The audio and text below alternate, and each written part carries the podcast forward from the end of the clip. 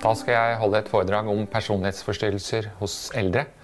Dette foredraget er basert på prøveforelesningen til min avhandling ved Universitetet i Oslo, eh, hvor tittelen var 'Kunnskapsbasert gjennomgang av personlighetsforstyrrelser hos eldre'.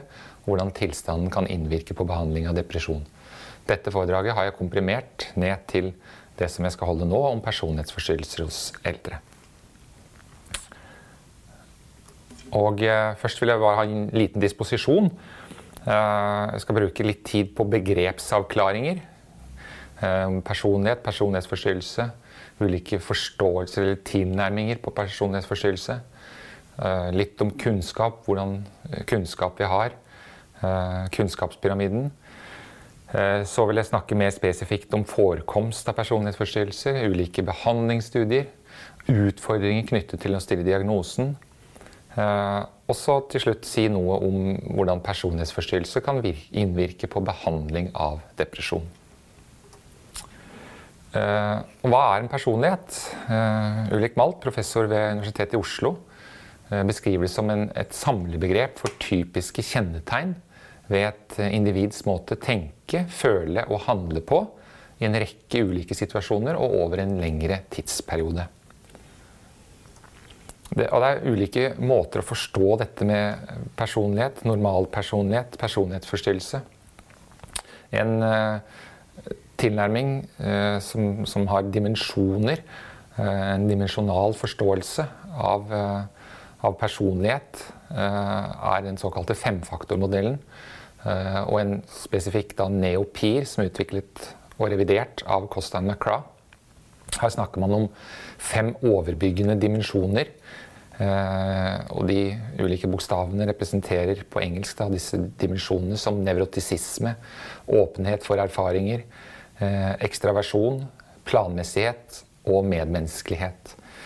Og disse ulike dimensjonene er igjen eh, underdefinert i såkalte fasetter.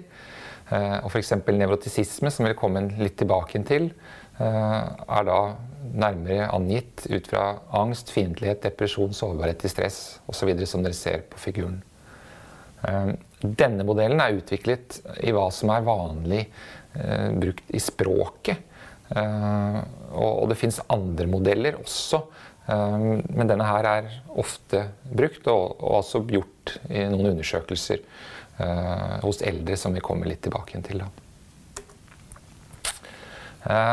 Og personlighetsforstyrrelse ut fra denne forståelsen er knyttet til lite fleksible og mer ekstremvarianter av disse ulike eh, personlighetstrekkene, og har en, eh, en dimensjonal tilnærming til dette. Det fins altså, som jeg nevnte, andre modeller for forståelsen av personlighet.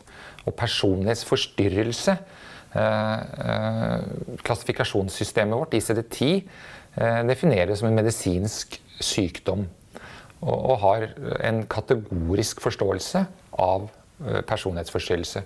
Og her skal lidelsen ikke skyldes en direkte hjerneskade eller annen psykiatrisk lidelse. Eh, holdningen og atferden skal eh, ikke være i harmoni med omgivelsene. Atferdsmønsteret er vedvarende, omfattende. Debut av plagene i, i tidlig i livet. Og det skal føre til personlig lidelse og også da eh, yrkesmessige eh, og sosiale problemer ofte. Og ICD-10 beskriver de ulike personlighetsforstyrrelsene eh, som følger. Man også prøver å, å gruppere de ulike cluster, hvor da cluster A, de underlige, om, omfatter paranoid og schizoid personlighetsforstyrrelse. Cluster B betegnes som det dramatiske, innbefatter dyssosial, emosjonelt ustabil, Eh, inkludert borderline personlighetsforstyrrelse eh, og dramatiserende. Og cluster C er de engstelige, tvangspreget, unnvikende, avhengig personlighetsforstyrrelse. Det er også noen betegnelser eh, med sånn uspesifikke, blandet og uspesifisert personlighetsforstyrrelse. Og sånn man gjør det i ICD-10 og DSM-4, er at man summerer opp ulike kriterier og kommer frem til om personen har personlighetsforstyrrelsen eller ikke. Så det er enten-eller en kategorisk tilnærming. Og hvordan ville de ulike personlighetsforstyrrelsene utspille seg på en parkeringsplass? Det er det noen som har tenkt på. Og her har vi eh, en parkeringsplass for de personlighetsforstyrrede. Hvor, vi ser hvordan eh, de ulike personlighetsforstyrrelsene kan utspille seg på en parkeringsplass. Én eh, paranoide har følelsen av å være forfulgt. Én. To tvangspregede må ha ting på plass i alle retninger. Tre dyssosiale. Eh, sperrer for andre, bryter regler. Fire en avhengige som trenger andre for å føre seg ivaretatt. Eh, og fem borderline, som er på kollisjonskurs med andre. Kanskje f.eks. En, en tidligere kjæreste. Eh, seks unnvikende. Kom, må gjemme seg i hjørnet. Og sjueren, schizoid, som da har problemer med nærhet til andre. Og som jeg sier, eh, både ICD-10 eh, og DSM-4 har en kategorisk tilnærming til personlighetsforstyrrelse, og det finnes ikke ulike eh, Altså det finnes ikke spesifikke kriterier for eldre. Jeg skal komme litt tilbake til DSM-5. Så hva vet vi om personlighetsforstyrrelse hos eldre?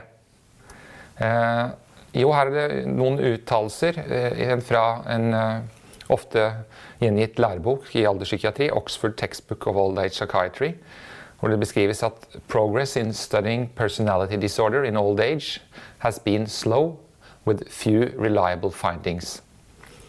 Eh, det er altså dårlig progresjon, dårlig fremgang i dette fagfeltet, og det er få pålitelige funn. Likedan en, en, artikkel en artikkelserie om personlighetsforstyrrelse i Lancet i 2015.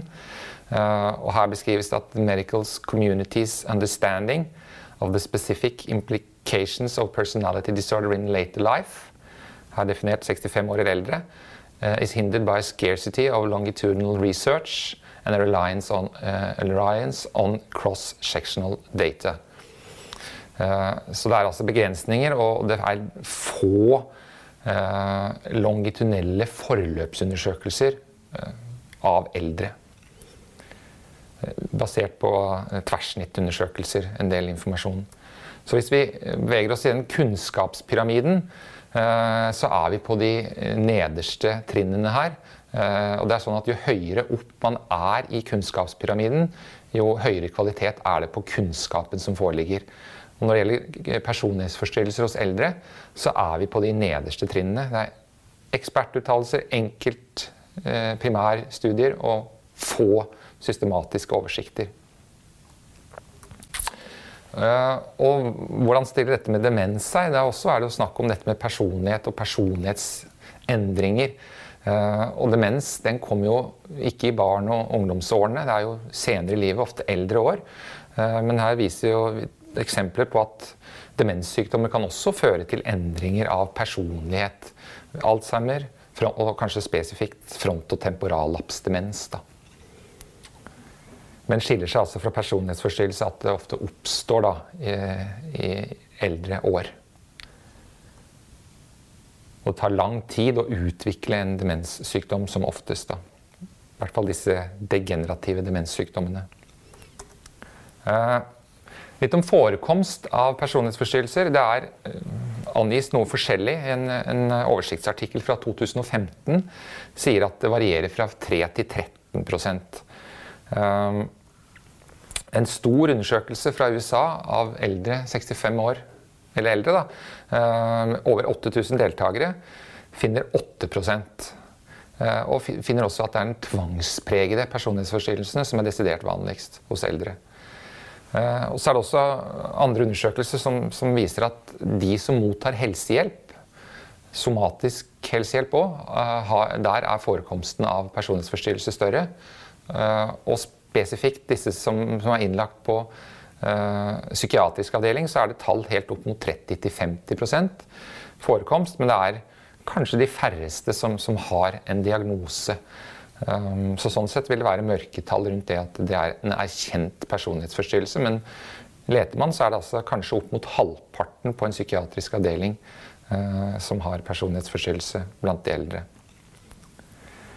Uh, Og når det gjelder spesifikke behandlingsstudier av personlighetsforstyrrelse hos eldre, så, så fins det ikke så mange. Det er en, noen som i den oversiktsartikkelen fra 2015 som fant fire studier. Og som dere ser, så er det små tall. Ofte 30-30-talls pasienter. Men det som er undersøkt, er da eh, dialektisk atferdsterapi og, skjemabasert gruppeterapi. Eh, kognitivt eh, vinklet. Eh, med små tall. Men, men som, eh, som, disse studiene eh, altså de antyder at effekten av de spesifikke tilnærmingene er som hos yngre voksne. Så mye av kunnskapen man har om personlighetsforstyrrelse, er jo da egentlig overført fra den man har hos yngre når det gjelder psykoterapeutisk tilnærming til personlighetsforstyrrelse. Eh, ja, hvorfor har vi så lite kunnskap om personlighetsforstyrrelse hos eldre? Eh, et aspekt er at de store longitudinelle undersøkelsene som er pågående, har ikke kommet ordentlig til alderdommen ennå. Og man vet Det er ting som tyder på at personlighetsforstyrrelsen endrer seg mer enn det man har antatt tidligere. Eh, aldringsprosessen Eh, utfordrer eh, evnen til å tilpasse seg i et biopsykososialt perspektiv, somatisk sykdom og den spesifikke eh, emosjonell ustabile personlighetsforstyrrelsen er undersøkt. og det er ting som tyder på at denne karakteristiske impulsiviteten avtar etter hvert som, som eldre, mennesker blir eldre med personlighetsforstyrrelsen. At det kanskje endrer seg mot at de får mer depressive symptomer, mer dysfori. Og også da mer somatiske plager. Så sånn sett så kan den bli um, undererkjent fordi at det kliniske bildet endrer seg. Det er en stor grad av komorbiditet, altså samsykelighet, mellom de ulike personlighetsforstyrrelser som gjør det vanskelig å klassifisere, og også da med andre psykiske lidelser, og depresjon er trukket frem ofte da. Um, det er ofte komplekse pasienter når det gjelder dette med samtykke. Eh, få de til å være med i studier over tid. Frafall, noen dør. Eh, og det, og det er ofte en krevende diagnose å stille i alderdommen når man da skal se tilbake igjen kanskje 20-30-40 år tilbake i tid. Det er befestet med en del usikkerhet å kunne si hvordan det var da i barne- og ungdomsårene. Da. Um, og det er ofte sprik mellom hva personen selv, pasienten, sier, og hvordan pårørende ser på dette. Uh, og det er, som, det er, ingen enkel blodprøve som sier om man har en personlighetsforstyrrelse eller ikke. Uh, og disse diagnosekriteriene er, som vi nevnte, uh, ICD-10 og, sånn, og, og, og, DSM, er ikke aldersspesifikke. Eh, de er de samme for ulike aldersgrupper. Og så er det noe som, som, tyder på at i og med at ting endrer seg i alderdommen, så kanskje man skal ha mer tilpassede kriterier for eldre. Eh, også da eh, tilpasset tilværelsen til eldre. Hvor man på en måte toner ned dette med arbeidsliv, f.eks. Eh, det fins da enkelte kartleggingsverktøy spesifikt for eldre og personlighetsforstyrrelse. Så har forståelsen av personlighetsforstyrrelse endret seg siden det ble introdusert eh, på 40- og 50-tallet i de ulike diagnoseklassifikasjonssystemene. Og dette med eh, kategorisk dimensjonal tilnærming som har vært innom, eh, og DSM-5 har en såkalt hybridmodell, kom i 2015. Der prøver man å bake inn i et eget kapittel en mer sånn dimensjonal forståelse av personlighetsforstyrrelse. Og ICD-11, det arbeidet som er gjort rundt det, ehm, eh, vektlegger dette med alvorlighetsgraden av personlighet som, har, som betydningsfull for hvordan det går med prognosen. Og Det er også da foreslått sent debuterende personlighetsforstyrrelse, og, og antydet 25 år er det det riktige årstallet for sent debuterende. Det har i hvert fall vært veldig ulik forståelse opp gjennom tiden av hva personlighetsforstyrrelse er. Så vil jeg si noen uh, ord om hvordan personlighetsforstyrrelsene kan gripe inn på behandling av depresjon hos eldre. Uh, og En systematisk oversiktsartikkel fra 2014 sier at det er dobbelt så stor sjanse for et dårlig utfall av depresjon over tid hos personer med en personlighetsforstyrrelse sammenlignet med de som har eh, depresjon og uten personlighetsforstyrrelse. I denne oversiktsartikkelen var fem av studiene eh, fra utvalg med eldre pasienter. Og én spesifikk undersøkelse eh, hadde 75 pasienter, alle med depresjon, og da enten med eller uten personlighetsforstyrrelse. Og man så at depresjon forsterket spesielt unnvikende og avvikende personlighetsforstyrrelse. Disse pasientene var stabilisert med medisiner i mer enn tre måneder, eller brukte ikke medisiner og mottok da 25-30 timer av ulike former for psykoterapi. Eh, og som denne figuren viser, eh, så, og den største søylen illustrerer, er at det, det, går bedre, betydelig bedre, med de som har depresjon og ikke personlighetsforstyrrelse, sammenlignet med de som har depresjon og personlighetsforstyrrelse. Eh, og disse clusterne er også sett noen enkeltundersøkelser. Som dere ser, så er det små tall. En undersøkelse av 65 eh, pasienter hvor man, man ser at cluster A, de underlige personlighetsforstyrrelsene, og cluster C, de engstelige, uh, er med å predikere tilbakefallet av og kroniske depresjonssymptomer. Det finnes også en enkelt undersøkelse med 40 personer om, om disse dramatiske personlighetsforstyrrelsene. Og, og, da har han sett at det er dårligere funksjon, generell funksjon, og også dårlig livskvalitet ett år etter en depressiv episode hos de som har en, en uh, cluster B-personlighetsforstyrrelse. Uh, og tilbake til den modellen som, som, vi beskrev, som har en dimensjonal forståelse, den neopir-modellen. Uh, og, og, denne dimensjonen nevrotisisme er det sett undersøkelser på hvordan Eh, dette her kan innvirke på, på depresjon hos eldre. Og, og, eksempelvis har høy grad av nevrotisisme eh, vist seg å predikere depressive symptomer i alderdommen. Eh, det predikerer mer tilbakefallssymptomer og kronisk forløp av depresjon. Mer tilbakefall av depresjon som sådan. Eh, og så er det sett spesifikt at denne underfasetten av dimensjonen nevrotisisme, sårbarhet for stress, spesifikt er assosiert med utvikling av kognitiv svikt i én eh, undersøkelse fra 2016. Også eldre som har utført suicid, har fremvist mer nevrotisisme og mindre åpenhet til erfaringer forut for suicid sammenlignet med kontrollpersoner. Eh, så hvis jeg skal oppsummere, eh, så er personlighetsforstyrrelse en vanlig forekommende tilstand, lidelse, eh, hos eldre, men det er påfallende lite undersøkt. Og spesielt mangler eh, store longitudinelle undersøkelser og behandlingsstudier rettet mot personlighetsforstyrrelsene. Eh, det er ting som tyder på at personlighetsforstyrrelsene er mindre stabile over tid enn tidligere antatt. Når det gjelder dette med personlighetsforstyrrelse og innvirkning på eh, behandling av depresjon, så ser man for det første at eh, personlighetsforstyrrelse hos, eh, hos eldre og depresjon forekommer ofte i kombinasjoner. Er en, personlighetsforstyrrelse er en negativ prognostisk faktor for behandling av depresjon. Og denne dimensjonen nevrotisisme er assosiert med flere negative utfall for depresjon hos eldre. Takk for meg, og tusen takk for oppmerksomheten.